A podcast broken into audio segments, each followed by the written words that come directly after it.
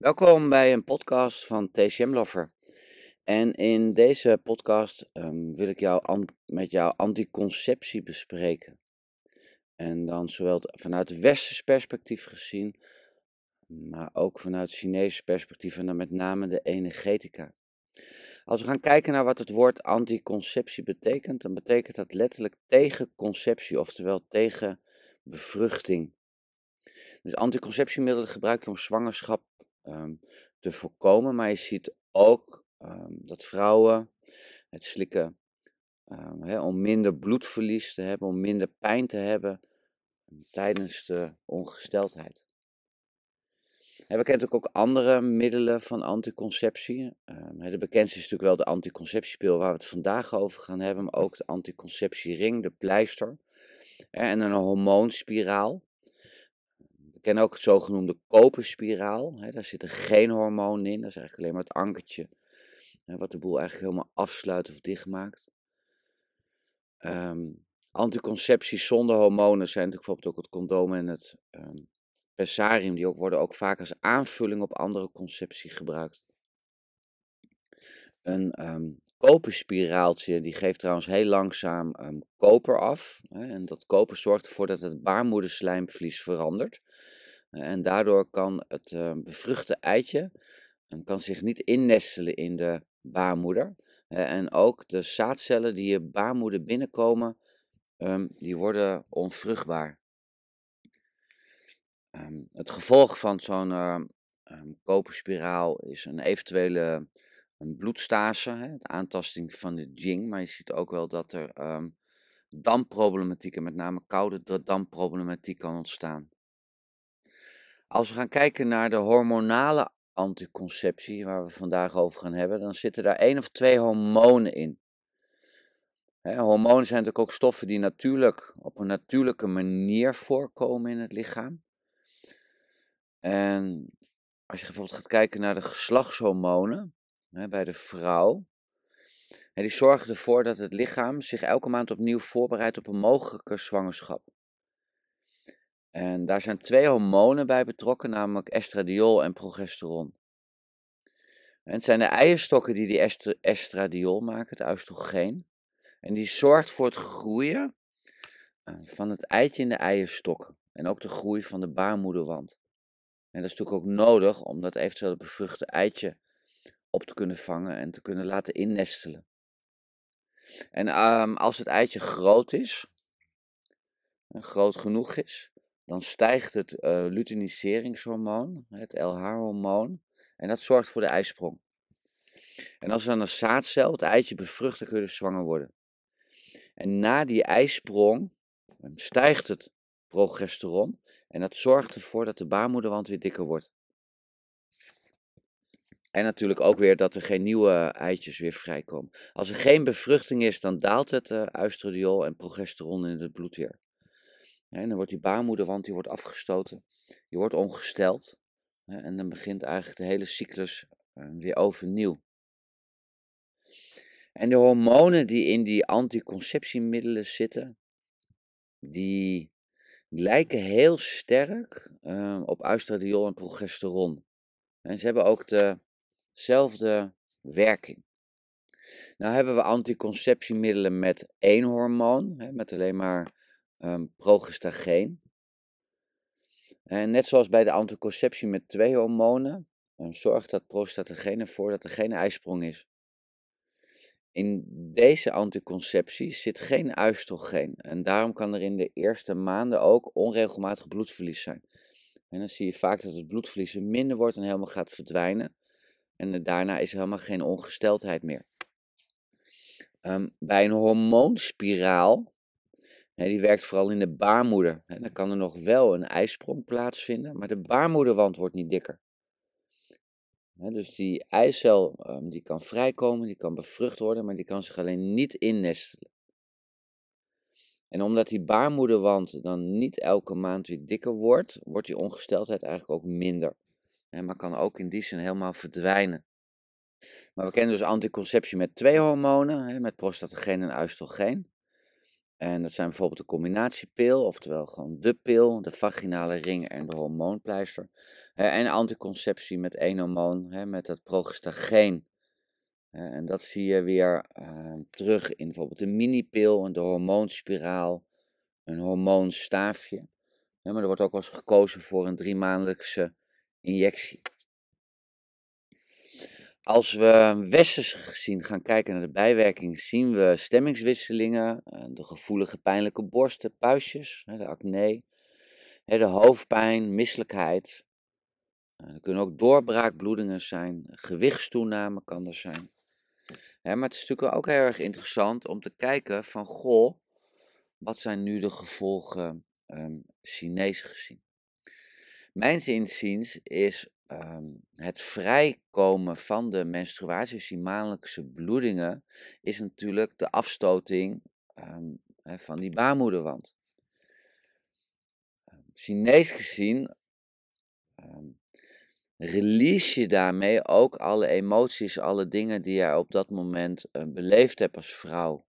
het is ook een vorm van het uh, opgebouwde hitte. Die kan op die manier ook ventileren. En op een gegeven moment, als jij ervoor kiest om helemaal niet meer te menstrueren, dan kan ook die hitte, die via die menstruatiebloed het lichaam verlaat, die blijft dan aanwezig in het lichaam en die gaat stagneren. En op het moment dat jij dan die stagnerende hitte krijgt, waar gaat die hitte heen? Die hitte die gaat stijgen. En die gaat via de chongmai, vaak via de maagmeridiaan, gaat naar boven, naar die bovenste warme en die gaat dus vaak ook naar het gebied van de vrouwenborst. En dat slikken van de pil, waar ook dus veel oestrogeen in zit, zorgt ervoor dat de borsten van de vrouw eigenlijk de hele tijd op actief staan. dus die melkklieren en alles um, wordt geactiveerd. En die gecombineerde steeds maar weer activatie, die plaatsvindt in die vrouwenborst, gecombineerd met die eh, niet voorkomende bloedingen, ehm, geeft een stijging van hitte. En die hitte die gaat naar die vrouwenborst, geeft daar hitte af, geeft daar stagnatie, het indikken hè, van het bloed. Hè, en ja, je kan eigenlijk al wel raden wat er gebeurt. Het gaat stagneren. Hè, en, er kunnen dan eventueel, zeg niet dat het altijd zo is, hè, maar er kunnen dus knoppeltjes, bobbeltjes en allerlei hele vervelende dingen gaan ontstaan dit heeft ook weer te maken natuurlijk met hoe vaak je zwanger bent geweest. Hè? Want die vrouwenborst, die cellen hebben natuurlijk allemaal oestrogeenreceptoren. En als je vaker zwanger bent geweest, dan zijn die oestrogeenreceptoren die zijn bezet. Maar als je minder zwanger bent geweest, hè, dan heb je dus dat die receptoren openstaan voor het oestrogeen, wat weer de boel activeert dus het is nooit zomaar van, oh, dat is het kip en het ei. het is altijd afhankelijk van. Momenteel zijn we ook bezig ehm, ehm, in het premium abonnement om hier samen over te discussiëren. met name gerelateerd ehm, aan het onderwerp borstkanker. Maar goed, we gaan terug naar de werking van de pil. In de Chinese geneeskunde is de gedachte dat die conceptie Ehm, een ontmoeting is van de Jing, van de vader en de moeder. Dus het DNA, die erfelijke essentie. En de mogelijkheid om zwanger te worden van de vrouw is met name afhankelijk ook van die prenatale en die postnatale toestand van dit chi en het bloed. En natuurlijk ook van de jing. Ehm, hoe zijn de emoties op dat moment en de omgevingsfactoren. Hè, maar ook het ministeriële vuur, hè, zeg maar gewoon het Ming-Meng, het Xian-Go. En het ministeriële vuur, dat Ming-Meng, dat is opgeslagen bij de nieren. En wat dat Ming-Meng doet, is natuurlijk het, zeg maar, gewoon het verwarmen. Hè, maar die helpt eigenlijk ook, um, hè, zeg maar, gewoon het Jing, hè, om die conceptie te laten plaatsvinden, om die bevruchting te laten plaatsvinden. Als we dan gaan kijken naar de pil, naar de energetica van het pilgebruik, en dan zien we dat de energetica van die pil koud is. En ook met name ehm, de nieren ja, aanpakt. Hè, die kou, het ministeriële vuur, het woord zegt dat het is vuur. Hè, en, het is het, en, en het is die kou wat dus dat vuur gaat doven. En hierdoor kan eigenlijk die reproductieve functie uh, van dat Ming-Meng eigenlijk niet meer plaatsvinden. En als we gaan kijken naar de bijwerkingen, hè, we hadden net al besproken dat het bijvoorbeeld misselijkheid is. Hè. Misselijkheid is in de Chinese geneeskunde rebellerende maagchi. De normale richting van die maagchi is naar beneden toe. En die maag die houdt ook um, zeg maar gewoon van vocht, van nattigheid en van warm. Zodat hij goed zijn functie van het rotten en rijpen uit kan voeren. En die koude die van die uh, conceptiepil binnenkomt, die geeft dus problemen bij het warm houden van de maag en kan daar um, veroorzaken, waardoor die maag gaat rebelleren. Een andere bijwerking van de pil is um, hoge bloeddruk hè, en ook de gevoeligheid van de borsten. En dat komt dat koude contraheert, hè, die trekt samen. Hè, die, um, um, die aderen, die slagaderen, die gaan samentrekken. daardoor krijg je ook eigenlijk zeg maar gewoon minder volume hè, in, die, in, die, in die borstkliertjes en in die uh, bloedvaatjes. Wat als gevolg heeft dat die bloeddruk gaat verhogen. Dus denk altijd aan dat koude dus um, contraheert. Die contraheert, die meridianen die trekken samen. Maar ook die luomai, die collateralen, die gaan samen trekken. En dat samentrekken, dat kleine, dat vernauwen, dat geeft pijn, wat zich dan weer uit in die gevoeligheid van de borst. Als we naar de hoofdpijn gaan kijken, dan zien we vaak dat die hoofdpijn gerelateerd is aan een uh, mildleegte, hè, aan een pichiksu. Ja, ook die mild, die houdt graag van warm, maar dan eerder een droog klimaat. In tegenstelling tot de maag, en die houdt ook van warm, maar dan nat. Die mild, warm en droog. Zodat hij goed zijn transporterende en transformerende functie, afgekort TT, van transport en transformatie, kan laten plaatsvinden. En daardoor kan hij dus goed die kuchi maken. En ook het bloed en ook de lichaamsvloeistoffen. De richting van de mild is naar, de boven, naar boven toe. En die koude natuur van die anticonceptiepil, um, die verstoort de functie van het transporteren van dat heldere yang naar het hoofd. En doordat die functie van het stijgen dus verstoord wordt, gaat er onvoldoende chi en bloed naar boven, om daar um, het merg, de hersenen te voeden. En daardoor dan krijg je dus last van hoofdpijn. In dit geval eigenlijk een soort leegte hoofdpijn, omdat het er niet kan komen. Dus het zou ook eventueel gepaard kunnen gaan bijvoorbeeld met vermoeidheid, of de hoofdpijn verergert naar vermoeidheid. Ehm, ook de maag en de hele vertering kan verstoord raken. Vloeistoffen kan je vasthouden. maar ook um, vaginale infecties komen voor. En dat heeft ook weer te maken met die mail-chi-leegte. Ja, want als die mild zijn transport- en transformatiefunctie niet goed kan uitvoeren, dan krijgen we damp. In de literatuur zie je ook wel dat je dan vlemdampaccumulatie krijgt. En als dat opeenhoopt en de stroming gaat niet meer goed, zou er zelfs ook nog door die stagnatie hitte kunnen ontstaan. Excuus. En als we eens naar die hoofdpijn gaan kijken, hè, dan zien we dus ook weer die TT en die naar transport en transformatie en die naar bovengaande beweging dat het niet goed gaat. En dat kan weer leiden um, tot maag- en darmklachten, zoals bijvoorbeeld uh, diarree en constipatie. Als die transport en transformatie wordt verstoord, dan worden ook die lichaamsvloeistoffen niet meer goed getransporteerd en getransformeerd, wat vlem en damp geeft. of ook de vloeistoffen worden vastgehouden, met name in het gebied van de onderbuik, de heupen en de billen. Vlemdamp zijn natuurlijk vloeistoffen, maar je kan het ook zien als eh, dus in eerste instantie is natuurlijk een damp koude, want het is een koude energetica, maar door die stagnatie, door die blokkade, kan er ook damphitte ontstaan. Met als resultaat dat de vaginale infectie met geelachtige afscheiding kan ontstaan. ook de menstruatie kan blokkeren. En dat heeft weer te maken met een disharmonie uh, van de Chongmai en van de Renmai. En die Chongmai is de, de zeef van bloed. En de Renmai, die controleert eh, zeg maar, gewoon de foetus. En die um, pil, die verstoort de en de bloedcirculatie van deze meridianen. Waardoor die zich niet meer goed kunnen vullen met bloed, maar ook niet meer goed kunnen releasen.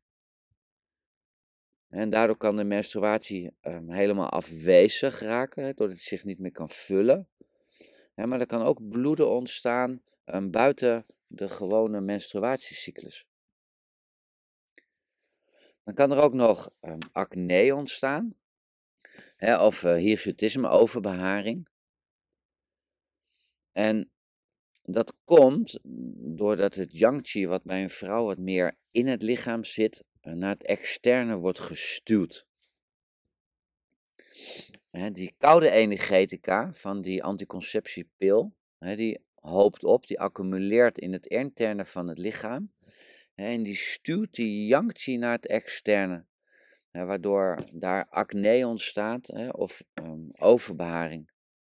En dit zie je met name bij vrouwen die eigenlijk al een uh, yin tekort hebben of een bloedtekort hebben. zodat dat um, koelende element minder goed werkt. Want als die koude natuur, die koude energetica eh, van die anticonceptiepil gaat ophopen en hitte veroorzaakt, dan kan die hitte natuurlijk een groot deel worden tegengegaan door de koelende eigenschappen van de vloeistoffen.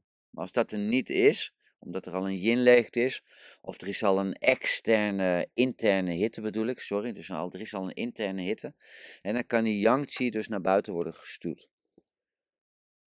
En daar dus acne en uh, overbeharing veroorzaken. Ja, en op wat voor leeftijd um, wordt er vaak begonnen? Hè? Zodra die menstruatie begint en een jong meisje heeft last, ja, dan wordt er vaak natuurlijk gegrepen uh, naar die anticonceptiepil om dat te reguleren. En ook op advies van de westerse arts. En wat je ziet um, bij langdurig gebruik hè, van die orale anticonceptiva, dan krijg je dus een nier-yin-leegte. Of ook een chi- en een bloedleegte. En er kan ook flem ontstaan um, en um, levertiestagnatie. Als we gaan kijken naar die nier-yin, dat komt door de um, door die koude energetica. En dan denken we, oh goh, het is koude. Hè, maar als we het in een Chinees uh, context bekijken, dan heeft eigenlijk yin op zich heeft ook een voedende en koelende kwaliteit. Maar de westerse energetica en de, en de westerse medicatie, die heeft geen voedende eigenschappen. Het is die koude die met name uh, natuurlijk ook het yang zou kunnen beschadigen. Maar met name het niet kunnen voeden op langdurige um, termijn. En ook omdat je die, ja, we hebben natuurlijk al die miltje-leegte, we hebben die bloedleegte, de voedende eigenschappen gaan naar achter. En dan kan dit op den duur leiden tot yin-leegte symptomen met een droge huid, een snelle fijne pols, een rode tong met minder beslag. Hè, na een aantal jaren um, pilgebruik die en die bloedleegte is natuurlijk door de, door de mild, die weer van dat warme en dat droge milieu houdt. maar die koude, die beschaadt het mild yang en daarmee transport- en transformatiefunctie, daar hebben we net over gesproken. En dan krijg je koude ledematen, een bleek uiterlijk, vermoeid. Ehm, ja, als er een bloedleegte is, is die tong dun en bleek. als het meer een yang is, dan kan de tong eerder ook bleek en gezwollen zijn. Stel nu dat er bij jou een cliënte binnenkomt en um, die heeft geen menstruatie meer. Ze komt binnen, ze is dun, uh, ze is bleek. Ze geeft ook aan dat ze moeilijk in gewicht aan kan komen. De eetlust is niet goed. Ze heeft een opgeblazen buik na het eten. als ze opstaat, opeens overeenkomt, overeind komt, uh, heeft ze wat licht in het hoofd stemmingswisselingen, pijn in de rug, wat pijn in de nek. De handen en voeten zijn koud. Ze is ook wel wat afkeer voor kou. Ze heeft uitdemen aan de enkels. Haar tonglichaam is rood, er zit wat gelig beslag in die onderste warmer. en haar pols is diep en die is ook wat dun en iets snel. En haar klacht was eigenlijk dat ze onregelmatig weinig menstruatie heeft. En daarvoor heeft ze de conceptiepil gekregen sinds ze 14 is. dus het is nu 21. dus ze zitten al ongeveer 7 jaar aan die, uh, aan die pil. En ja, die laatste jaar is haar menstruatie minder geworden. ze heeft ook wat menstruatieperiodes gemist. alhoewel ze wel eh, stopweken had. En als we dus hiernaar gaan kijken, dan zien we natuurlijk um, gewoon die kou. we zien over eventueel die koude buik, de opgeblazen buik na het eten. we zitten hier een beetje in het spectrum van de mild. met die koude symptomen hebben we hier een mild-yang leegte. We zien ook door de pijnlijke ehm, rug. en bij menstruatieproblematiek zie je toch ook vaak dat de nier betrokken is. dus we zien ook een betrokkenheid van de nier. Wellicht een nier, een nier-yang leegte, misschien ook in het gebied van het nier-ying. En we zien ook ehm, dat de lever betrokken is. En dat gezien bijvoorbeeld ehm, door de stemmingswisselingen. En wat je dan gaat doen als behandelprincipe, is dat mild-yang toniferen. Je gaat bezig met de nieren. En je gaat ook kijken hè, wat je nog kan herstellen of verbeteren aan het uh, stukje van het leverbloed. Ook met het vrijmaken, vrijmaken van de stroming van het bloed. Want in de gynaecologie van de Chinese geneeskunde zie je dus ook dat de betrokken meridianen, die van het hart, van de lever, de milt en nier, en natuurlijk de chongmai en de renmai zijn. als we naar de mild gaan kijken. Hè. Die zorgen natuurlijk voor die postnatale chi, voor de aanmaak van het bloed. En denken weer aan het transport en die transformatiefunctie. Hè. Dus die zorgt voor de bloedaanmaak. En als we naar de spleen yang gaan kijken, dan zien we natuurlijk ook die koude tekens, hè, dat bleke uiterlijke. Hè, maar die zorgt ook voor dat het hele verteringssysteem verwarrend blijft. Als we naar het nier yang gaan kijken, die helpt weer het mild yang. Hè, met dat hele transport- en transformatiefunctie. die nieren, die nier-yang, die ondersteunt dat hele gebeuren. maar ook het jing, het nier-jing, via het merg, um, zorgt ook voor de bloedaanmaak. en dat dat ook naar de lever wordt getransporteerd en dat opgeslagen kan worden als bloed. en die lever, die geeft ook weer dat bloed vrij. en bij die Chongmai, dus elke menstruatie weer wordt de Chongmai gevuld. En als hij eh, helemaal vol is, dan laat de Chongmai dat weer los, wat de start is van de menstruatiecyclus. Vaak gebruik ik het uh, punten, bijvoorbeeld in die casus die ik even kort besproken heb. Um, denk dan aan Renmai 4, Renmai 6, Maag 36, Mild 9, uh, Mild 6, Nier 3, um, ook Nier, um, Nier 13. Ook Twina kan je inzetten. Je kan circulaire bewegingen maken. Bijvoorbeeld zeg maar, gewoon tegen de klok in. Vanaf de navel naar buiten toe. En dan weer van de navel naar binnen toe, zeg maar, gewoon een aantal keren. Om die manier om de cliënt te laten relaxen, maar ook het eh, stimuleren weer van de aanmaak van chi en bloed. En denk daarbij ook bijvoorbeeld aan het gebruik van een TDP-lamp, zo'n warmtelamp, Moxa-lamp. Naast natuurlijk het eventueel zetten van de naalden. Dus nog even samengevat. Ehm, de energetica van die anticonceptiepil is koude. Ehm, de zangvoer, de organen die worden beïnvloed, zijn met name de nieren, maar daarnaast in mindere mate het hart, de lever ehm, en de mild. En het geeft de rebellerende maagchi, mild-chi-leegte. Er ontstaat vlem en damp.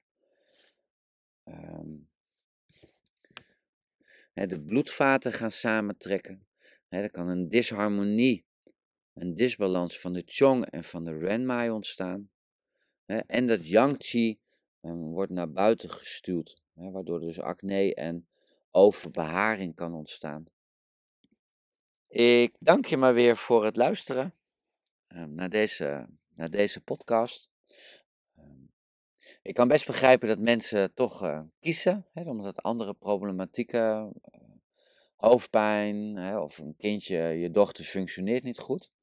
Maar mijn aanwijzing of mijn tip is uh, om een TCM-therapeut op te gaan zoeken. Zodat je die anticonceptiepil niet voor dat soort problematieken um, gaat gebruiken. Hè, als iemand een onregelmatige menstruatie pijnlijke menstruatie heeft of dat soort klachten, ja, bezoek eens een uh, TCM-therapeut, een acupuncturist, Twina, voetreflex. Hè, want die kunnen jou uh, heel goed helpen. Dank je maar wel voor het luisteren en uh, ja, graag tot de volgende podcast.